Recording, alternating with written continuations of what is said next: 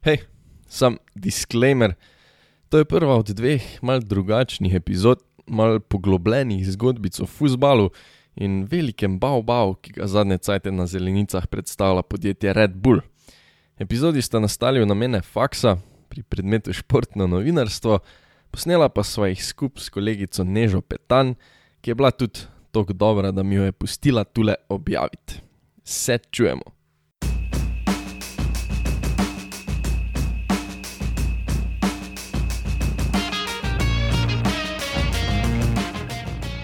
Avstrijski šport, na kaj pomislite? Smučanje, hokej, najverjetneje najbolj priljubljeni panogi naših severnih sosedov.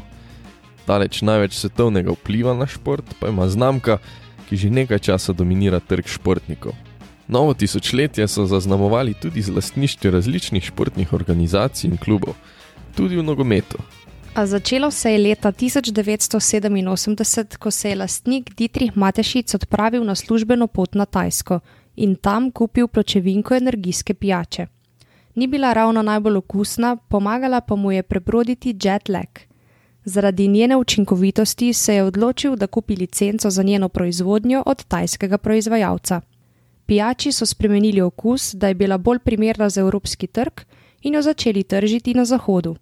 1. aprila istega leta je pijačo Red Bull lansiral v Avstriji in s tem ustanovil novo kategorijo energijske pijače ter razvil edinstven marketinški koncept z geslom Red Bull ti da krila.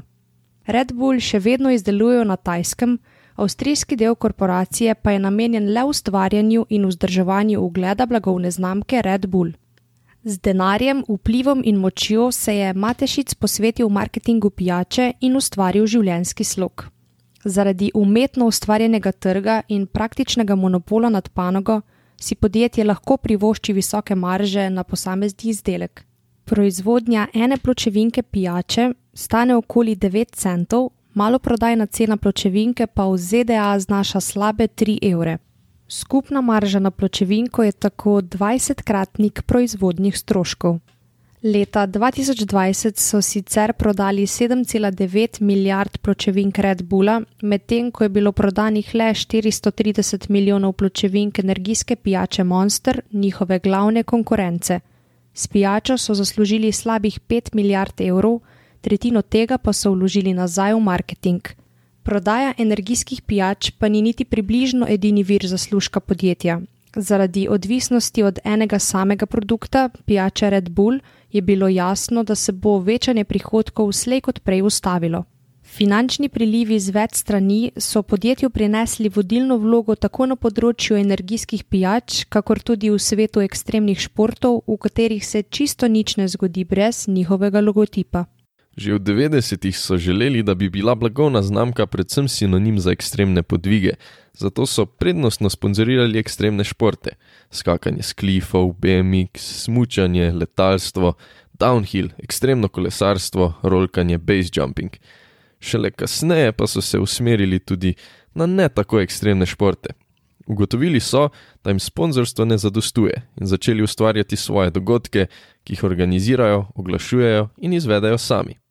Najbolj znan med njimi je skok z roba vesolja Felixa Baumgartnerja, ki je leta 2012 skočil z višine 39 km, med prostim padom prebil zvočni zid in dosegel hitrost 1342 km/h. Baumgartnerjev podvig si je prek YouTuba takrat ogledalo 7,3 milijona gledalcev, danes pa ima posnetek skoka skoraj 47 milijonov ogledov. Vse skupaj je posnelo 30 kamer v kapsuli, na tleh in v helikopterjih. Podvig je spremljalo 40 televizijskih mrež v 50 državah sveta, še posebej pa so bili aktivni komentatorji na Twitterju. Skok je Red Bull vložil 40 milijonov evrov, vrednost globalnega poročanja o tem dogodku pa je znašala 5 milijard. Matešic je vstopil tudi v svet Formule 1. Pred sezono 2005 je od Forda za en funt kupil premoženje moštva Jaguar Racing in si tako zagotovil mesto med ekipami ter jo poimenoval Red Bull Racing. Svoj največji uspeh doslej so dosegli med letoma 2010 in 2013, ko so bili štirikrat zaporedni prvaki med konstruktorji in tudi med dirkači Sebastianom Fetlom. Letos imajo enega najboljših dirkalnikov in spet upajo na uspeh s talentiranim Maxom Verstappenom. Leta 2006 so kupili še moštvo Minardi in ustvarili sestrsko ekipo Toro Rosso, ki se zdaj imenuje Alfa Tauri po njihovi liniji oblačil. Alfa Tauri je sicer najsvetlejša zvezda v zvezdju Bika, imenovana tudi Aldebaran, s čimer naj bi ponazarjali, da so najbolj svetle zvezde v Formuli 1 in industriji oblačil. Najbogatejši Avstrijec ima v lasti tudi dirkališče v Spielbergu z imenom Red Bull Ring. Aprila 2005 so kupili nogometni klub Avstrija Salzburg in ga preimenovali v Red Bull Salzburg. Leta 2006 so čez lužo ameriški klub Metrostars spremenili v New York Red Bull. Najkasneje, leta 2009, pa so ustanovili še klub RB Leipzig, kjer igra tudi slovenec Kevin Campbell. Leipzig pa naj bo še posebej zanimal v drugi epizodi. Želja po večji neodvisnosti in napredku je pripomogla tudi k gradni lastne športne akademije, ki vzgaja nogometaše in hokejiste. V Salzburgu se od leta 2014 kalijo mladi talenti stari med 8 in 18 let, ki upajo, da bodo nekoč zaigrali v eni od Red Bullovih ekip. Korporacija je konec leta 2020 zaposlovala 12 tisoč ljudi v 170 državah, sponzorirala pa športnike iz 96 različnih športnih panog in iz 73 držav. Red Bull svojo znamko gradi na prepoznavnih športnikih. Pogoj za sodelovanje pa je tudi to, da športniki dejansko pijejo Red Bull. Posvetijo se vsakemu posamezniku in prilagodijo vsebino v določeni državi. V Sloveniji je v zadnjem času najbolj odmeval plezalni ziv Janja Garnbred in Domna Škofica, ki sta splezala na 360-metrski dimnik v Trbovljah. Red Bull je bil seveda glavni organizator izziva. V Sloveniji pa so si izmislili tudi priljubljena dogodka Goni Poni, kolesarjenje s Poni na vrh Vršiča in Red Bull 400 planica, tek proti vrhu planiške velikanke. Najbolj znani slovenci, ki jih sponzorira Red Bull, so plezalka Janja Garnbret, upokojeni smočar prostega sloga Filip Fliser in kajakaš Peter Kauzer, skupaj pa je Red Bull sponzor sedmih slovencev. Najbolj znani ambasadori Red Bulla na svetu pa so nogometaš Neymar, smočarja Marcel Hirscher in Linci Von, motociklist Mark Marquez in največji streamer videoiger na platformi Twitch, Tyler Ninja Blevens. Tudi nogometaša Trent Alexander Arnold iz Liverpoola in Gianluigi Donnarumma, vratar AC Milana, sodita pod okrilje Red Bulla, prav tako pa avstrijski tenisač Dominik Tim. Zanimivo je, da je v letošnji sezoni razreda MotoGP Red Bull sponzor kar desetim voznikom od skupno 24. Korporacija je leta 2007 ustanovila svojo medijsko hišo in si takrat zadala cilj izkoristiti Red Bull, da očara.